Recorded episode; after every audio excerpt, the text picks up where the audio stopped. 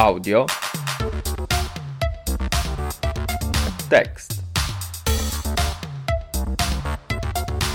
Zapraszam do słuchania podcastu Audiotekst. Kiedy tak naprawdę zaczęła się literatura elektroniczna? Czy można mówić o literaturze cyfrowej w czasach przed internetem? Jaki to w ogóle ma związek z badaczami pracującymi na superkomputerach o wielkości całych pomieszczeń oraz chociażby z internetowymi rozmowami z kotami? Zapraszam do słuchania trzeciego odcinka podcastu Audiotekst. Odcinek trzeci Koty, boty i superkomputery, czyli trzy generacje literatury elektronicznej. Dziś zajmiemy się krótko historią literatury elektronicznej. Przedstawię trzy generacje literatury elektronicznej i powiem, czym zasadniczo się charakteryzują. Przy okazji wspomnę też o paru ciekawych przykładach. Nie będzie to jednak wyczerpujące kompendium, mm, będzie to raczej szybki i skrótowy przekrój, więc nie spodziewaj się niczego fenomenalnie wyczerpującego. Będzie to mniej więcej e, taki krótki przegląd tych wszystkich informacji, żeby mniej więcej zorientować się, jak to wszystko wygląda, e, dzięki czemu mam nadzieję lepiej zrozumiesz rozwój literatury elektronicznej. O trzech generacjach literatury elektronicznej pisze chociażby Leonardo Flores, ostatnio w takim artykule Third Generation Electronic Literature opublikowanym w Electronic Book Review. Tekst jest dostępny w sieci, więc spokojnie możesz do niego sięgnąć. Jest dostępny w języku angielskim. I ten tekst stał się niejako dla mnie inspiracją do nagrania tego odcinka i do zrobienia takiego krótkiego, przekrojowego przeglądu właśnie tych trzech generacji, czy też trzech fal, bo właściwie e, na przykład nasza polska badaczka Urszula Pawlicka w książce literatura cyfrowa w stronę podejścia procesualnego publikowanej dwa lata temu, czyli w 2017 roku, pisze właśnie o trzech falach literatury elektronicznej. Więc różnie się to nazywa, różnie się też datuje właściwie, bo różne daty się pojawiają, jeżeli chodzi o stawianie pewnych granic, czy pewnych dat takich przełomowych, jeżeli chodzi o literaturę elektroniczną. Ja tutaj nie będę zbytnio tego rozwlekał. Zastosuję takie bardzo uproszczone i najczęściej pojawiające się rozgraniczenie. Jednak jedno jest pewne. Najważniejszą cezurą dla historii literatury elektronicznej jest z pewnością rok 1995, czyli moment znacznego upowszechnienia sieci internetowej, mm, przede wszystkim w Stanach Zjednoczonych, gdzie literatura elektroniczna się rodziła, no i właściwie w Stanach, gdzie gdyby ta literatura no, najprężniej działała i działa e, nadal, chociaż e, jak się okazuje, mm, e, reszta świata dogania Stany, więc różnie to wygląda. Ja tutaj przedstawię trzy takie etapy, trzy takie generacje, które, tak jak wspomniałem, są rozgraniczone, ale tylko umownie. Tu nie chodzi o stawianie jakichś twardych ram i takich sztywnych granic. Tym się nie trzeba sugerować. Nie o to tutaj chodzi. Pierwsza generacja literatury elektronicznej jest e, nazywana generacją przedinternetową, pre-web. Jest to generacja, którą można tak umownie wpisać w ramy czasowe 1952-1995. Zanim przejdę do tej początkowej daty, wspomnę, że literatura elektroniczna pierwszej generacji powstawała najczęściej i właściwie przede wszystkim na komputerach przeznaczonych raczej do innych zadań niż tworzenie e, tekstów literackich. Były to najczęściej komputery używane do wykonywania ogromnych obliczeń, na przykład dla przemysłu, nauki czy nawet wojska. I uznany za pierwszy utwór cyfrowy, zaliczony właśnie do literatury elektronicznej, jest generator Love Letters autorstwa Christophera Straheya. E, tekst powstał w 1000, mm, tekst, właściwie generator tych tekstów tych listów powstał w 1952 roku na komputerze Manchester Mark I, który jest jednym z najwcześniejszych takich y, urządzeń. Pisałem o tym na blogu na Facebooku Elektrolitera, więc tam odsyłam, można troszeczkę więcej na ten temat poczytać i nawet znaleźć link do tego generatora, żeby zobaczyć jak wyglądały te listy. Ale pisałem też kiedyś o, o tym, jak John Maxwell Coetzee, e, znany chociażby jako autor hańby, laureat literackiej Nagrody Nobla z 2003 roku, kiedy jako młody absolwent anglistyki i matematyki Uniwersytetu Kapsztackiego na początku lat 60. pracował m.in. w Londynie dla IBM-u. Należał wtedy do takiego zespołu pracującego nad jednym z najbardziej zaawansowanych wówczas projektów programistycznych. Pomagał budować trzecią wersję superkomputera Atlas II na potrzeby Brytyjskiego Instytutu Badań Energii Jądrowej. E, I w wolnych chwilach postanowił wykorzystać ten komputer do innych celów. Stworzył algorytm, który wybierał słowa, z wcześniej stworzonego przez niego słownika, dzięki czemu mm, powstawał ciąg powtarzających się słów i kolumna tekstu. Można to uznać za jeden z takich prekursorów, czy, czy, czy jak gdyby takich jednych z początkowych, bardzo dawnych e, przykładów literatury elektronicznej. Więcej na ten temat, głównie na temat właśnie tego generatora Kociego, można znaleźć na moim blogu, więc przeczytasz o tym na blogu Biblionetoteka, mm, biblionetoteka blogspot.com. Tam pisałem o tym jakiś czas temu, właściwie chyba dawno temu, mm, tam można o tym wszystkim poczytać przeczytać. Z kolei Urszula Pawlicka o pierwszej fali literatury elektronicznej pisze jako szkole Storyspace, ponieważ główna część tekstów powstawała i odczytywana była w specjalnie stworzonym programie Storyspace. I ten program stworzyli J. David Bolter i Michael Joyce. Ten drugi jest uznawany za pioniera literackiego hipertekstu i jest uznawany też za autora pierwszej powieści hipertekstowej zatytułowanej mm, Afternoon Story, Popołudnie pewna historia. Powstał w 1987 roku, ale ostatecznie został opublikowany w 90 roku, 1990. Chociaż warto przypomnieć i o tym też warto pamiętać, że przykładem wczesnego hipertekstu literackiego, chociaż właściwie wtedy nazywanego trochę inaczej, nazywanego narracyjną bazą danych, Narrabase, jest Uncle Roger z 1986 roku autorstwa Judy Malloy, która w latach 70. pracowała, co też jest znamienne, jako specjalistka do spraw technicznych informacji dla NASA. Więc y, ten przykład i przykład Straheya czy przykład Kociego pokazuje, że twórcy pierwszej generacji literatury elektronicznej byli jednak skupieni czy związani nie z działalnością literacką, nie pracowali na komputerach jako narzędziach literackich, tylko zupełnie w inny, inny sposób, w innej przestrzeni. Inne przykłady y, utworów z tej pierwszej generacji to na przykład Victory Garden y, Stuarta Maltorpa z 1992 roku, Marble Springs Danny Larsen 93, Patchwork Girl Shelley Jackson 95. Należałoby więc w pierwszej generacji literatury elektronicznej wyodrębnić dwie zasadnicze grupy. Z jednej strony literaturę tworzoną na superkomputerach lub komputerach wykorzystywanych w laboratoriach, pracowniach itd., tak itd., tak czyli to byłyby te pierwsze utwory z lat 50., 60., 70., głównie generatory tekstu. Oczywiście chodzi też o to, że te osoby, które tworzyły później też były związane z pracą na takich komputerach w tamtym czasie. I z drugiej strony byłaby to literatura tworzona na komputerach osobistych w domu, e, takie jak środowisko Storyspace czy Hypercard. Mm, chociaż oczywiście ten podział nie jest ostry i właściwie jest dla mnie bardziej mm, podziałem roboczym, dla mnie osobistym.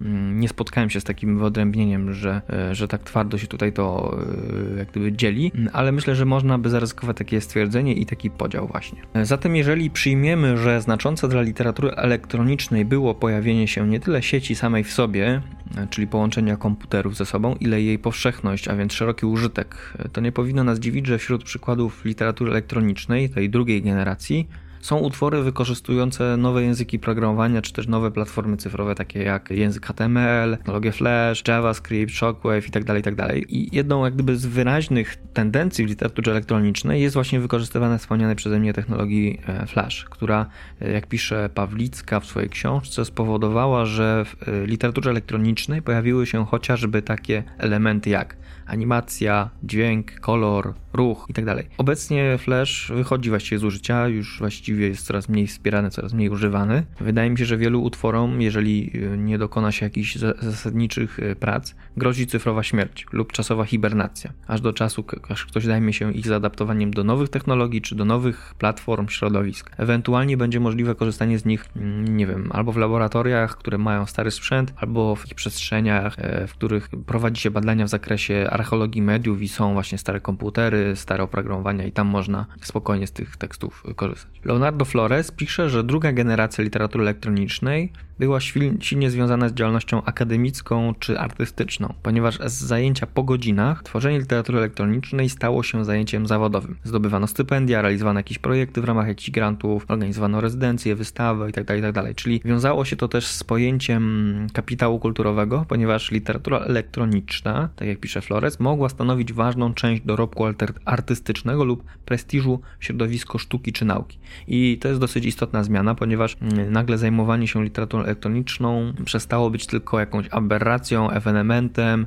czymś dziwnym, czymś z boku na marginesie, nagle zaczęło wchodzić bardziej do tego głównego nurtu, mm, ale oczywiście ten ruch też nie był taki bardzo e, mocny, a u nas to już w ogóle jest troszeczkę inaczej. E, ja w to nie chcę tutaj wchodzić, nie chcę o tym e, dużo mówić, to jest temat na zupełnie osobną dyskusję. Nie bez znaczenia jest też fakt, że druga generacja literatury elektronicznej to także pojawienie się instytucji takich jak na przykład Electronic Literature Organization, czyli najbardziej rozpoznawalna, chyba najpopularniejsza organizacja literatury elektronicznej na świecie, chociaż, i to też myślę, że uda mi się kiedyś zrealizować ten materiał, tych instytucji, mm, organizacji, grup, projektów itd., tak itd. Tak jest mnóstwo, cała masa. Y, jakiś czas temu, jak sobie próbowałem to wypisać, to samo wypisanie mi zajęło bardzo dużo czasu, a co dopiero jeszcze wziąć to jakoś skatalogować, jakoś przyporządkować, opisać itd. Tak Ale tak jak mówię, to jest zupełnie inna sprawa, to jest temat na zupełnie inną rzecz. To może kiedyś się uda jeszcze o tym powiedzieć. Idąc dalej, internet sprawił, że wiele utworów wówczas od razu ukazywało się w sieci, tak? Bo jeżeli w 1995 roku internet był wykorzystywany dosyć, e, dosyć, dosyć powszechnie, zarówno w, jeżeli chodzi o tworzenie, umieszczanie tam tekstów i czytanie,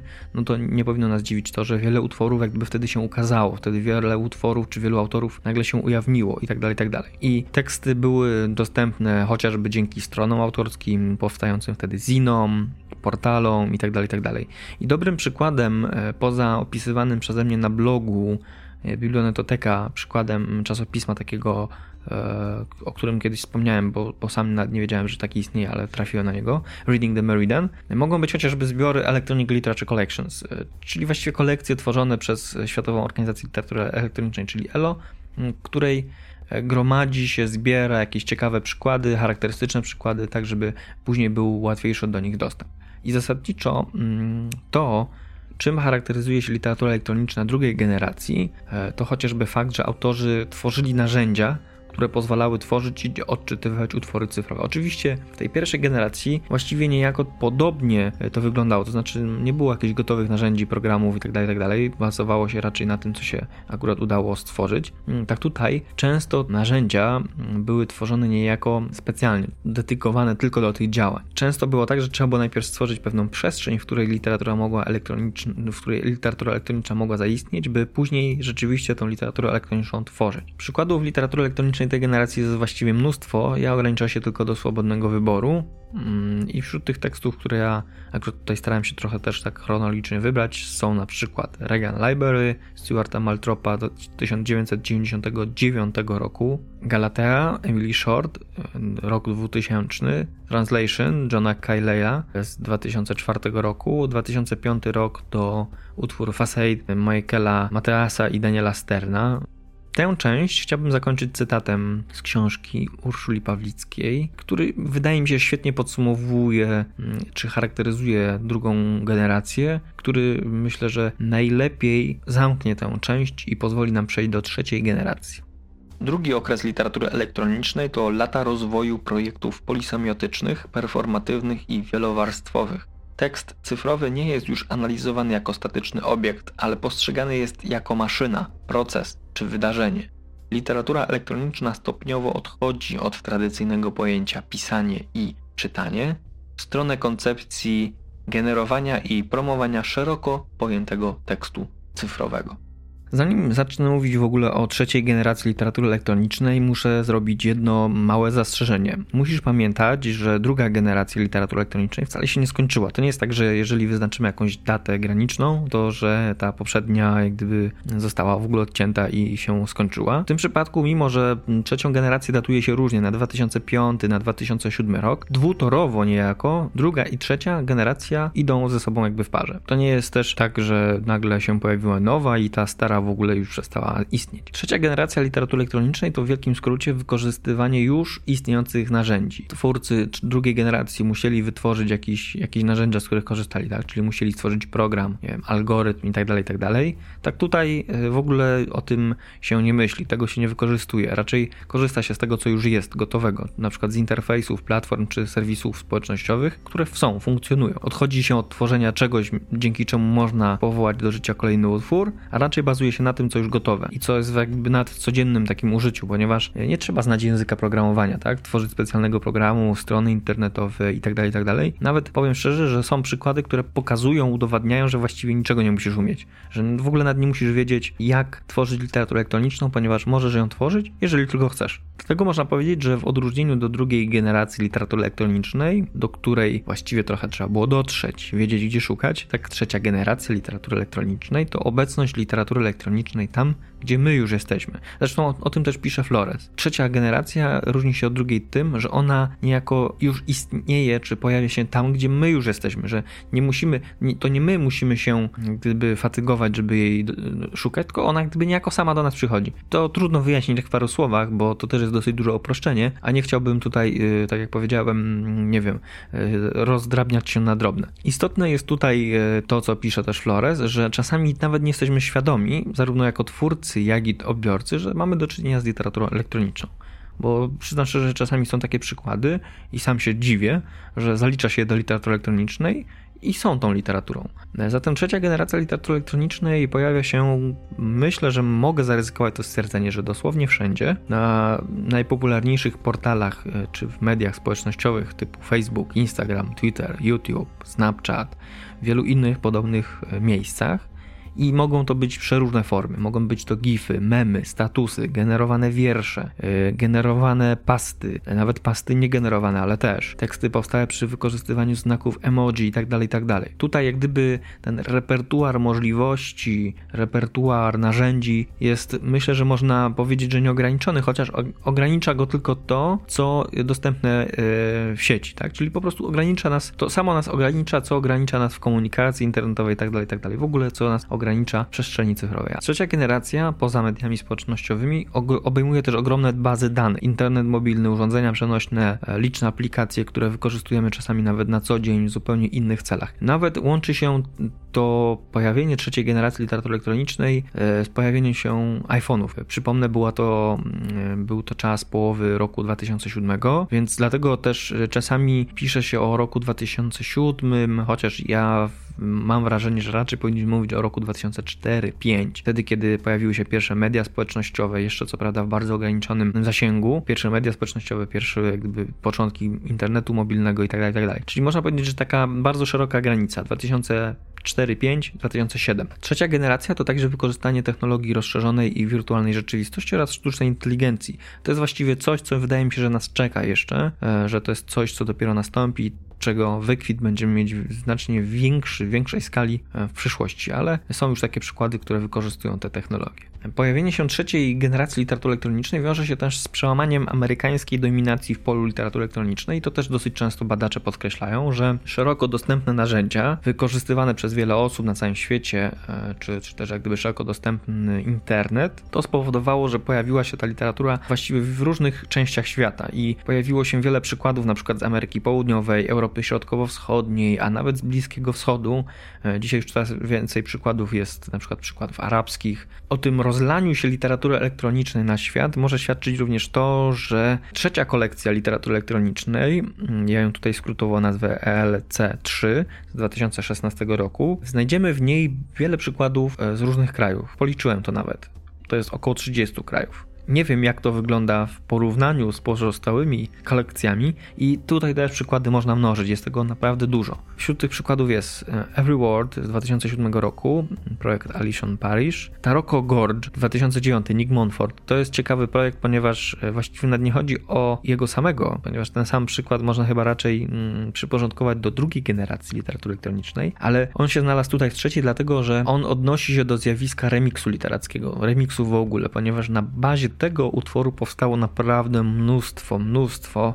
Nie liczyłem tego, ale wydaje mi się, że to idzie już nie naście, tylko dziesiątki utworów, które powstały na bazie tego utworu. Zresztą było takie jak gdyby też autorskie przyzwolenie na to. I wśród takich przykładów mogę, nie wiem, wymienić chociażby Tokyo Garage, Scotta Redbereka 2009 roku, Toy Garbage, Talana Memotto 2011 rok i tak dalej. Jest też chyba, jeśli dobrze pamiętam, polskie tłumaczenie Wąwóz Taroko, ale to chyba jest tłumaczenie tłumaczenie, a nie remix, ale mogę się mylić, ponieważ też nie czytałem tego tekstu, więc nie wiem, a nie chcę tutaj wprowadzać błąd. Idąc dalej, tutaj też podam taki przykład, który opisywałem na swoim blogu, więc y, jeżeli ktoś chce wiedzieć więcej, jeżeli chcesz poczytać o tym, to zapraszam na bloga, na biblionetotekę i na elektroliterę. Biblionetoteka blogspot.com to jest blog w internecie po prostu, na stronie, na platformie blogera, a elektrolitera to profil, powiedzmy w cudzysłowie blog na Facebooku. I tam pisałem o utworze, który wykorzystuje technologię prezentacji Prezi. Jeżeli, jeżeli znasz Prezi i wiesz czym, na czym to polega, to nie muszę tłumaczyć. Jeżeli nie wiesz, to masz świetną okazję do tego, żeby się dowiedzieć na własną rękę. Jest to utwór Bohemische Dörfer, 2011 roku Aleksandry Summer projekt, który znajduje się na przecięciu świata cyfrowego i materialnego Between Page and Screen, Amaranty Borsuk i Brada Bousa z 2012 roku, Michael Kurtow e, i to jest utwór Kuriokin Second Life 2015 mm, rok. Nie są to reprezentatywne, nie są to wszystkie, nie są to jakieś bardzo przełomowe czy ważne utwory z tej generacji, ale to myślę, że taki wycinek mm, myślę, że jest wystarczający, żeby później poszukać więcej. Na koniec y, tej generacji przywołam przykład, który trochę wyjaśni o co chodziło mi z tymi kotami na początku. E, przykład, który pojawia się w artykule Floresa, który, tak jak wspomniałem, zainspirował mnie do tego odcinka podcastu. Z jednej strony mnie ten przykład rozbawił, trochę rozśmieszył, ale z drugiej strony sprawił też, że zacząłem mieć wątpliwości, czy to jednak jest literatura elektroniczna, czy jednak ten przykład można przyporządkować do literatury elektronicznej. Ja mam wątpliwości, ale ja się nie znam, ja dopiero zaczynam, ja dopiero się uczę, więc mogę czegoś nie wiedzieć, ale Flores wymienia ten utwór, więc ja go podaję dalej. Można go znaleźć na Facebooku, trzeba wpisać text stories i znaleźć przykład filmu Lazy Cat. Tam jest seria tych filmików, bo tam jest chyba bodajże już około 40 odcinków z rozmów z kotem, ten Lazy Cat został opublikowany w lutym 2018 roku, czyli troszeczkę ponad rok temu. I obejrzało go do tej pory, z tego co widziałem w statystykach, prawie 70 milionów ludzi. Oczywiście w skali całego świata to jest nic. To jest naprawdę niewiele. To, to jest nawet niewielka liczba w ogóle wszystkich użytkowników Facebooka chociażby, ale jeżeli weźmie się pod uwagę, jaką liczbę wyświetleń, czy odsłon, czy przeczytań jakichś tekstów literackich, czy literatury elektronicznej, e, jak to wygląda, no to te 70 milionów robi wrażenie. Zresztą Flores właśnie pisze e, o tym przykładzie, jeżeli dobrze pamiętam, albo przynajmniej przywołuje takie osoby, które o tym pisze, jako właśnie o takim bardzo szerokim działaniu związanym z popularyzacją czy, czy, czy jak gdyby działalnością literacką w przestrzeni cyfrowej. E, ja tego nie chcę komentować, ponieważ tak jak powiedziałem, ja w przypadku tego Lazy Cat i innych takich podobnych przykładów, gdzie są gify, memy i tak dalej, mam wątpliwości, czy to jest literatura cyfrowa, literatura elektroniczna, bo dla mnie bardzo trudno jest wyznaczyć granicę między czymś, co się pojawia w internecie i wykorzystuje, nie wiem, język, e, jakiś tekst i tak dalej, i tak dalej. Bardzo trudno jest to nazwać literaturą elektroniczną, ponieważ trzeba by się chyba zastanowić, e, w jakie rejestry, czy do jakich punktów się odnosi. Ja tutaj tego teraz nie chcę robić, ja nawet będę unikał w ogóle robienia tego kiedykolwiek, bo sam nie mam pewności, czy robię to dobrze, a nie chcę tutaj e, popełniać błędu. Teraz przejdziemy do krótkiego podsumowania, ponieważ e, z grubsza te trzy generacje, które tutaj opisałem, tak mniej więcej wyglądają. Jest to, tak jak powiedziałem, bardzo duży skrót, bardzo duże uproszczenie, więcej o tym można poczytać w innych tekstach, ja może o tym też napiszę na blogu. To jest jak gdyby tylko wprowadzenie, mała zajawka. Teraz czas na krótkie zakończenie. Catherine Hiles y, pierwszą generację literatury elektronicznej nazywa klasyczną, drugą z kolei współczesną. Y, myślę, że można więc stwierdzić, że trzecia generacja byłaby postnowoczesna czy postmodernistyczna, y, zwłaszcza, że do podobnych wniosków dochodzę po przeczytaniu właśnie artykułów Loresa. Zatem pierwsza i druga generacja literatury elektronicznej mm, swoją charakterystyką odpowiada trochę nurtom modernistycznym, nawet takim ruchom awangardowym, może nawet elitarnym, ponieważ jej obieg był dość wąski, związany związany z niewielkim gronem wtajemniczonych osób, tak jak zresztą y, można było to zauważyć, tak? Jakichś badaczy, y, czy osób, które mają po prostu miały dostęp do superkomputerów. Druga generacja próbuje trochę ten stan przełamać, wychodzi naprzeciw temu. E, niesie to ze sobą oczywiście mm, pewne zmiany i jest to spowodowane tym, że pojawiają się nowe technologie, zwłaszcza internet szeroko dostępny, który połączył oddalonych od siebie ludzi i sprawił, że ten obieg literatury elektronicznej był łatwiejszy. No i właściwie z biegiem czasu coraz bardziej staje się coraz łatwiejszy, tak? Internet mobilny też to umożliwia. Nadal jednak można mówić o sporej roli autorskiego geniuszu oraz trudności, co charakteryzowało właśnie literaturę elektroniczną tamtego czasu i co można przypisać do ruchów awangardowych, ruchów modernistycznych. Z kolei trzecia mm, generacja literatury elektronicznej stanowiłaby przykład literatury popularnej i tutaj y, posługuje się sformułowaniami, które padają w artykule Floresa, ponieważ sam nie do końca byłbym w stanie e, do tego dojść. I on pisze właśnie tak, że mm, ta literatura poszukuje łatwości dostępu, e, łatwości rozpowszechniania. Próbuje więc dotrzeć do jak najszerszej publiczności i poprzez fakt, że pojawia się w takich popularnych miejscach jak media społecznościowe, sama w sobie też jest popularna. Tak przynajmniej wnioskuję z tekstu Floresa. Można więc też w tym upatrywać pewnego rodzaju sygnału popularyzacji literatury elektronicznej, nie tylko wśród tych, którzy nie nie są do niej przekonani, a może nawet do tych, którzy nie do końca mogą o niej wiedzieć, ale przede wszystkim do tych, którzy w ogóle nie mają z czytaniem y, nic wspólnego. Może to też jest jakiś sposób do popularyzacji czytania w ogóle. Nie wiem, trudno mi stwierdzić, y, ale y, na pewno mamy bardzo ciekawy obszar do obserwacji, bardzo ciekawe zjawiska się w nim pojawiają, więc warto temu poświęcić chociaż chwilę. To tyle w tym odcinku. Dzięki Ci serdeczne za słuchanie audiotekstu. Zapraszam Cię do słuchania kolejnych odcinków, a jeżeli dopiero zaczynasz przygodę z moim podcastem, to polecam posłuchać dwa poprzednie odcinki. Audiotekst dostępny jest m.in. na Spotify, na podcastach iTunes, ale też na wielu innych platformach podcastowych, które są specjalnie do tego stworzone, jak chociażby Anchor. Może znaleźć mnie również na Facebooku, wpisując po prostu elektrolitera tam e, bloguję, powiedzmy, piszę o e, ciekawych zjawiskach z literatury elektronicznej, które mnie interesują. Możesz też śmiało do mnie napisać. Jeżeli Ci się spodobało, zasubskrybuj, poleć znajomym, daj znać w ogóle mnie, czy, czy, czy słuchasz, czy Ci się podoba. Jeżeli Ci się nie spodobało, też możesz do mnie napisać, nie ma problemu. Możesz napisać, dlaczego Ci się nie spodobało, czy coś jest nie tak, nie wiem, dźwięk zły, gadanie nie, nie takie, nie wiem, tematy nieinteresujące. Możesz napisać do mnie w każdej sprawie tak naprawdę. Chętnie się czegoś e, dowiem. A ja tak naprawdę z odcinka na odcinek uczę się tylu nowych rzeczy, że już przyznam szczerze, że nie do końca jestem w stanie to wszystko zapamiętać czy wykorzystać. Więc naprawdę to jest pewien eksperyment.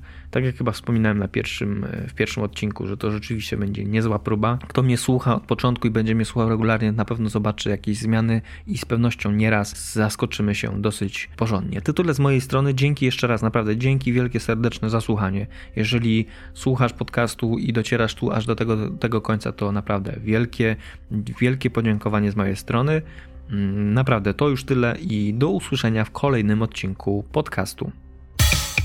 W nagraniu użyłem muzyki Kevina Magleoda ze strony imcompetech.com na podstawie licencji Creative Commons. To był właśnie podcast Audiotekst. Thank you.